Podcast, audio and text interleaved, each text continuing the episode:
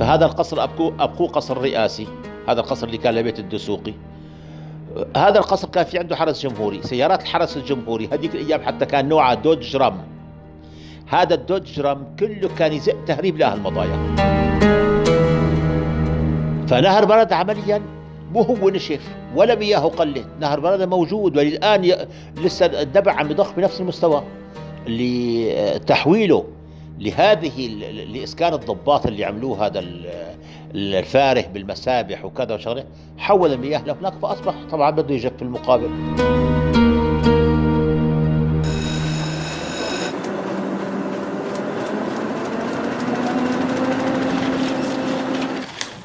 عنب بلدي بودكاست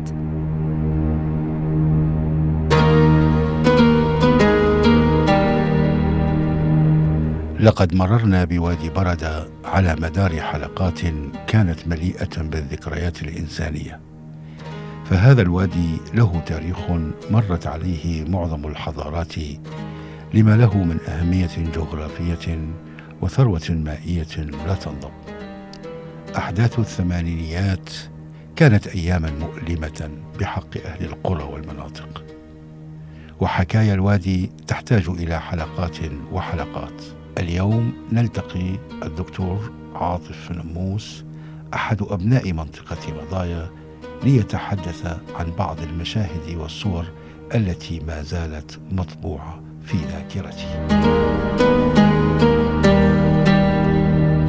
والله بالثمانين وصل لكل البلاد لكل لكل لكل أرجاء سوريا. يعني نحن كنا طلاب جامعة. صارت آه، الأمور الحراسة على الأبواب الحراسة المسلحة التفتيش على دخول الجامعات التشديد آه، فكان يحكي حقيقة نعاني كأنك أنت داخل إلى إيش؟ إلى مكان استخباراتي خطير صرنا نقرف ندخل الجامعة لهذه الأسباب. هي مثلا أحد المظاهر. الحواجز اللي كانت مثلا على سبيل المثال وقت تمشي أنت مضايا للزبداني عندك على مفرق مضايا تحت حاجز عند التكية حاجز عند ميسلون حاجز عند الربوة حاجز. تحس حالك أنت ماشي بأربع خمس حواجز على شيء ما عارف ليش الأمور هي مثلا كلياتها حصلت أحداث مثلا معينة بسيطة لكن كان حقيقة في تصعيد امني تشديد على كل الشباب. صار كل واحد بيصلي مشبوه. طبيعة الحال الناس سبحان الله يعني شعرت بالضغط كان في ضغوط صار كل واحد عم يصلي عم يتلاحق. استفزوا الناس وناس طلعت ناس حاولت تقاوم ناس كذا. وبعدها بتعرف يعني انتهت الأمور لأحداث حمال أليمة المؤلمة جدا الاسي يعني اللي فيها راح ضحايا مدينة دمرت ومسحت إضافة إلى أكثر من ستين ألف قتيل عدا عن المشردين فوق المئة ألف. والله أعلم شو صار بالبقية. أبدا ما في محافظة سلمت. حتى فيك تقول ما في قرية سلمت. يعني تكاد تمسك القرى تعد ما في قرية بتدر فيها بتشوف واحد إلا بيقول لك لنا فيها معتقل أو شهيد أو سجين يعني أو جريح أو القضايا هاي. إذا نتكلم عن المعتقلات أنا أعرف من جماعة الثمانينات في معتقلين افرج عنهم بعد 27 سنة. في يعني مثلا في ناس آه، عدت العداد عندها عد 27 سنة والآن عم بطبع مذكرات يعني قاعد عم يستجمعها بشكل دقيق حتى تطلع بشكل كتاب كامل متكامل. يعني طبعا في ناس بالعشرينات ناس بالخمسة وعشرين آه وطبعا في ناس دخلت وما طلعت. وهي ما في أكثر من أعدادها. يعني أعداد كبيرة جدا ومن ذكريات المساجين بيقول لك يعني كانت ما يسمى القربان عدا على اللي بينحكموا أعدام وهالقضايا هي في قربان يومي بالتسلية. ساعة التنفس لازم يكون فيها قربان يقدم. يعني قال له كما قالوا كانت التهمة جريمتي صوم صلاة. تتذكر في كتاب صالح اسمه روايه اسمه رواية القوقعة. صاحب الرواية لك مسيحي وهو سكران غلط بكلمة. جابونا طاعوا 13 سنة وإذا كتب ذكرياته كلها من خلال رواية القوقعة تبعه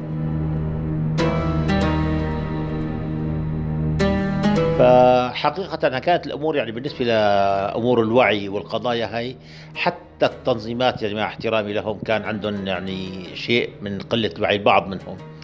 آه فلذلك كانت الرؤية ضبابية الرؤية ما كانت واضحة تماما. آه والنظام بطش بالجميع ما ميز. آه، إخواني طليعة من التنظيمات اللي ما لها أي نشاط. مجرد اعتقال واحد كان يوم من الأيام متردد على الجوامع فكان يؤخذ ويعذب ويضرب ويهان وقد تصل به إلى الإعدام. يعني ياما بنعرف طلاب أخذوهم طلاب مدارس. هذا الطالب لسه ما عنده الوعي لا يكون له تنظيم ولا شيء ويا حرام راحوا ما رجعوا. كان في عندك شيوعيين كان في عندك اتحاد اشتراكي كان في عندك ضباط مجرد غلطة بكلمة يعني حتى ما لهم حسابات آه، البعث العراقي يعني الكل الكل كان يعني يعاني من بطش النظام. يعني تلك المرحلة ما أبقى أحد. يعني باختصار دعني أقول أن الصراع لم يكن لا حزبيا ولا شيء. الصراع هو صراع طائفي بامتياز.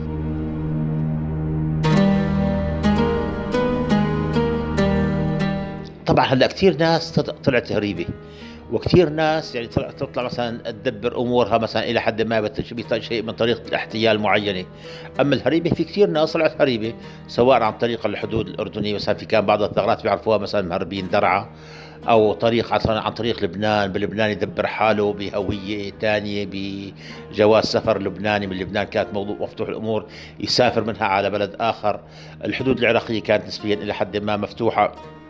يعني والتهريب من خلالها صالح فالناس كانت تطلع شيء تهريب شيء بهوية مزورة شيء بشيء حتى يطلع بده يفوت بجلده. يعني الناس آه، طالعه شباب كلها ما عليها شيء فجأة لقت حالها مطلوبة. مجرد إنه والله عندها كان شوية التزام يوم من الأيام. مجرد ما راح واحد صاحبه اعتقل قال والله فلان كان يصلي معنا بالجامع. فهذا هي كانت لحالها تهمة كبيرة.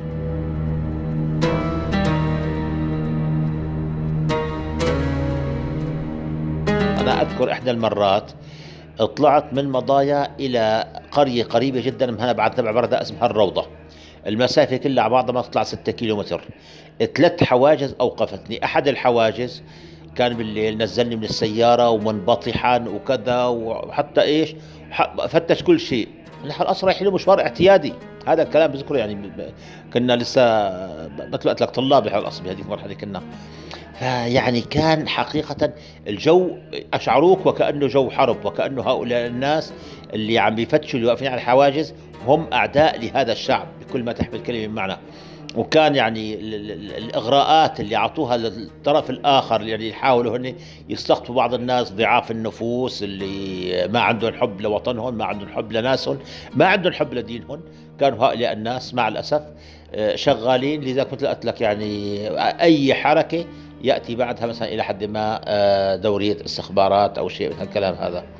الشيء الآخر حقيقه اللي كان لفت النظر يعني وكان هام جدا وهذا معظم معظم بل بنسبة أكثر من 95% من الناس ما كانوا منتبهين له النشاط المسعور اللي كانت شغالة فيه السفارة الإيرانية السفارة الإيرانية من تلك الأيام أول ما افتتحت السفارة الإيرانية بدأت تبث سمومها أنا بتذكر استلمت كهدية من السفارة الإيرانية كتاب اسمه الحكومة الإسلامية للخميني.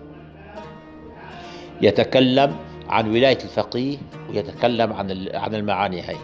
أنا قرأت أنا لساعتي بسوريا أن العلاقات اللي بيننا وبين سوريا أقوى من العلاقات بأي بلد آخر. أنا أذكر قرأت تصريح لأكثر من مسؤول بمعنى أن العلاقات التي تربطنا بإيران كدولة داعمة لنا أكثر من العلاقات التي تربطنا بين العرب كعرب. يعني كنا ننادي بالعروبة لكن فجأة بنلاقي بعض المسؤولين بيقولوا العلاقات مع إيران أهم من العلاقات مع العرب. وتجلى ذلك حقيقة تألمنا تألمنا منه جدا انه وقت كنا نشوف أيام الحرب العراقية الإيرانية إنه من وقت العراقيين حصل يعني عملوا مثل معرض ل القضايا المواد اللي حصلوا عليها بالحرب كغنائم كان من ضمنها أسلحة إسرائيلية وأسلحة صناعة وزارة الدفاع السورية. يعني أسلحة سورية وأسلحة إسرائيلية مع الأسلحة الإيرانية. تجدها أنه هي الأسلحة اللي العراقيين أخذوها منين؟ من الجيش الإيراني. شيء مؤلم جدا. فأنت تصور مو بس أنه والله على سبيل المثال أنه كعلاقات أفضل لا. بل دعمنا بل دعمنا وساعدنا بالسلاح دولة ناشئة آه، فارسية مجوسية ضد دولة عربية.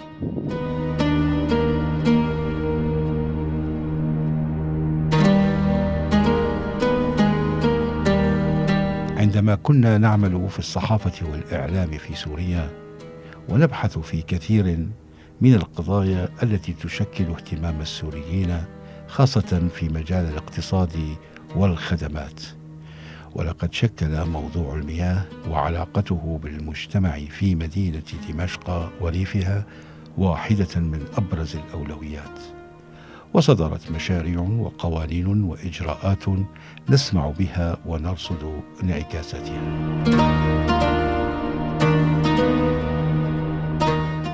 هلأ نشاف برده يعني قال له نشفنا دمه واتهمنا الناس. إذا بتتذكروا صارت في حادثة عملوها فلاحين مضايا.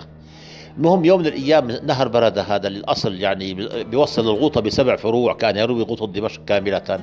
وهذا النبع لم ينضب ولهذه اللحظة لساته النبع قوي جدا. شو اللي صار؟ عملوا ما يسمى ضاحية تشرين بالديماس عملوا هالفلل والفلل الفخمة وعملوا فيها المسابح. وهي بالأصل بمصطلح أهل الزبداني وأهل ريف دمشق هي اسمها الصحراء. بيقول لك أنت وصلنا لمنطقة الصحراء بتسموها. الأصل يعني مياهها قليلة. فشو عملوا هدول؟ مشان تبقى المسابح عم تتعبى وتنضخ وتتعبى يوميا ومصاريف خيالية إلها والمي المسابح لازم تعبي المسبح ثاني يوم ترد تعبيه مرة ثانية فراحوا من عند نبع بردة أخذوا أنابيب مي كبيرة جدا ضخوها لوين؟ لهي للضاحية هي فالناس وقت انضخت المي هي بالمستويات هذا جن جنون الناس شو يعني نحن بالنسبة لنا؟ عندنا أراضينا أراضينا جفت. أراضينا نشفت. فالمهم راحوا تجمعوا أهل المضايا العاديين لا تنظيمات ولا شيء. عملوا هيك وفجروا الأنابيب هي إجوا بدهم يعتقلوا الناس. يدقوا أول بيت مين اللي فجر؟ يقول له أنا ومرتي واولادي الثاني أنا ومرتي واولادي العفا لا حاول رح يعتقلوا البلد كلها بدهم يعتقلوا. الكل مين ما تدق عليه الباب بيقول لك أنا ومرتي وأولادي. يعني اتفقوا هيك أهل البلد مع بعضهم. فنهر برد عمليا مو هو نشف ولا مياهه قلت نهر برد موجود وللان ي... لسه الدبع عم يضخ بنفس المستوى.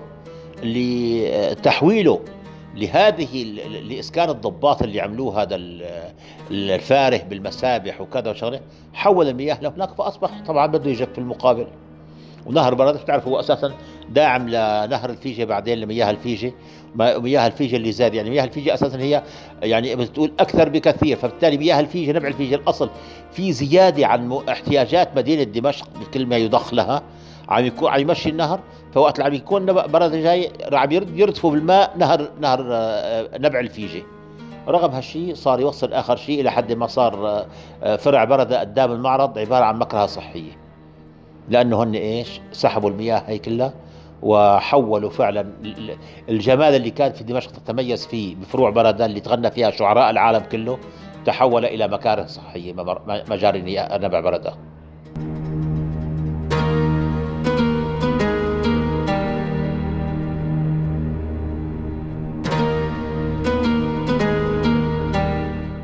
لا يمكن للذاكرة السورية نسيان أسواق مضايا. التي صارت في يوم من الأيام مصدرا لجمع الأموال والغناء الفاحش بسبب بيع البضائع المهربة وتوزيعها إلى جميع المحافظات السورية. ضيفنا يفتح الأبواب ليكشف خفايا التنافس والصراع بين المتنفذين على تلك الثروة القادمة عن طريق لبنان.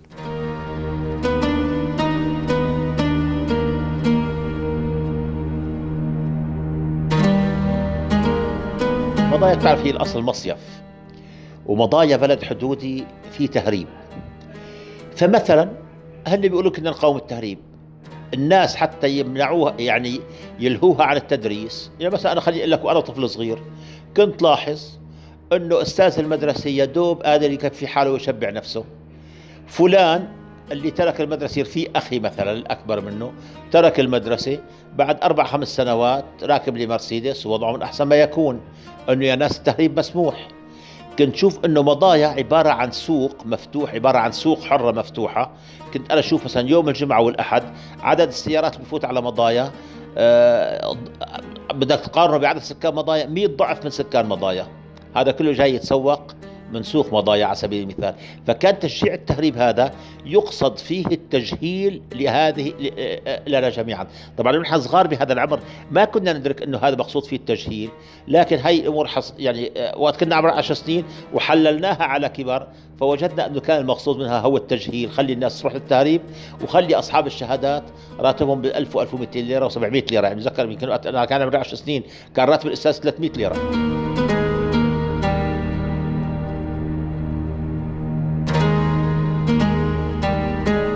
يا سيدي اللي كان ينقل التهريب لمهربين مضايا إذا بتعرف في بعض مضايا بشوي في منطقة اسمها حالية بين بلودان ومضايا.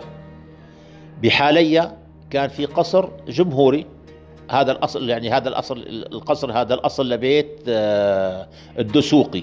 وتأمموا لهم أموالهم باعتبارهم كانوا شركاء بالإسمنت وكذا. فهذا القصر ابقوه أبقوه قصر رئاسي هذا القصر اللي كان لبيت الدسوقي. هذا القصر كان في عنده حرس جمهوري سيارات الحرس الجمهوري هذيك الأيام حتى كان نوعها دوج رام هذا الدوج رام كله كان يزق تهريب لأهل المضايا. سيارة حرس جمهوري أخضر. مين بيتجرأ يأشر له؟ كانت تنقل البضاعة من لبنان لمضايا يجيب لهم إياها. ومعروف كل واحد هيك. كانوا الموظفين الجمارك أو الهجانة أو كذا. بيقول لك أنا حتى داوم بمضايا سنتين عندي استعداد أدفع هذيك الأيام 10 ملايين ليرة. بيلمهم من العيله بده اياها لأنه حيعوض هون بالنسبة له بفترة بسيطة جدا. بيفتح طريق المهربين فتره معينة. آه بياخذ مقابله مثل يقولوا على البغل أو على السيارة أو على الحمل على حسب القضية هاي. فإذا قعدوا سنتين ثلاثة معنات هذا الرجل طلع من طلع من مضايا مليونير.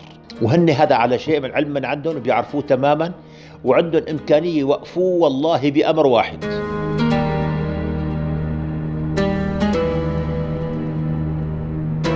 بتحصل له أحيانا مثلا على سبيل المثال هدول باعتبار مهربين يعني كبر راسه ولقى حاله يمرر كل شيء ولقى حاله الحرس الجمهوري بيسأل له بيجي مثلا يوم من الأيام شيء ضابط ضابط كبير المهرب هذا ما ما قبل وزن للضابط. شدوا بين بعضهم سبوا ضربوا ضربوا بعضهم مثلا أو أو اوسوا على بعضهم المسدسات. هذا الضابط عمل له حملة على مضايا. بس بيعملوا الحملة بعد أسبوعين ترجع الأمور مثل ما كانت أكثر من الأول. مضايا هذا البلد الريفي البسيط جدا. يعني تجد إنه وصل لمرحلة من الغنى إنه كل بيت قدامه بيوقف ثلاث أربع سيارات من أفخر السيارات بالبلد. عدا عن الأموال والدولارات المكدسة عندهم. يعني أهل مضايا أصبحوا تقريبا من أغنى أغنياء آه، تعتبر كأغنى منطقة في سوريا يمكن مرت عليها مرحلة.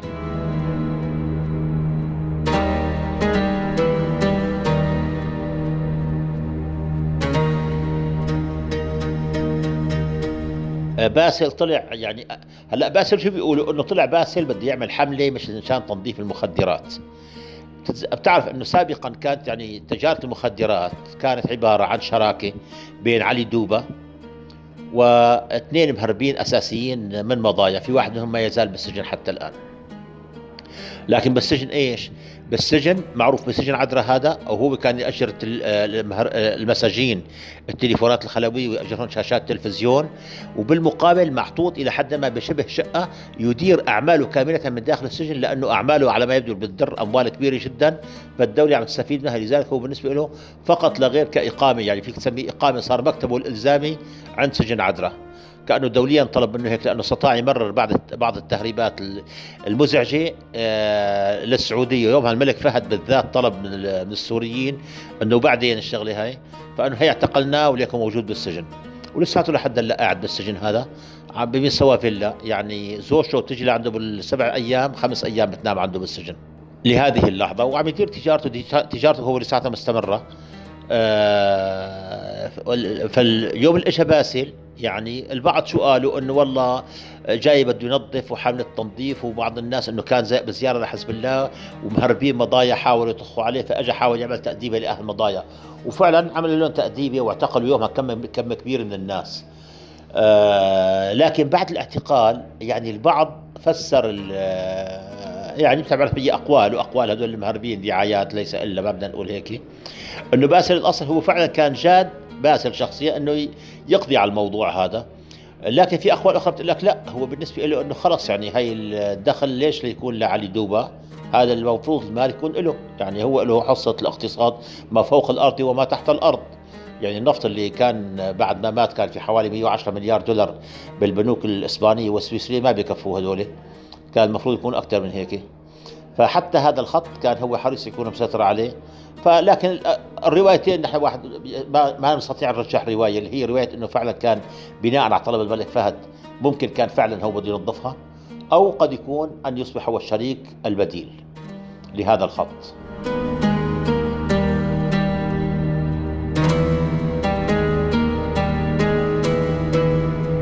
نعم كنا نسمع تصير مثلا تفجيرات بمكان معين تصير أحداث عمليات مثلا معينة.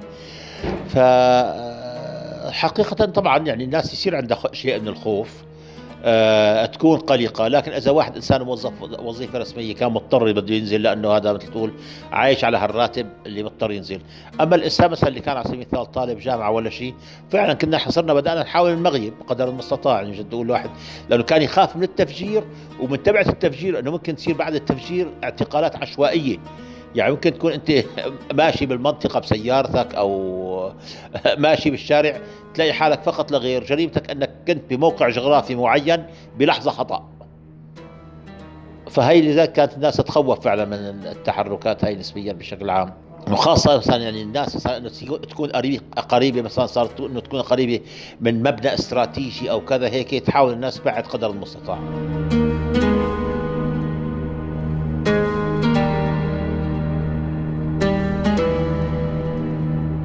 إلى اللقاء مع حلقة قادمة من ذاكرة سوريا.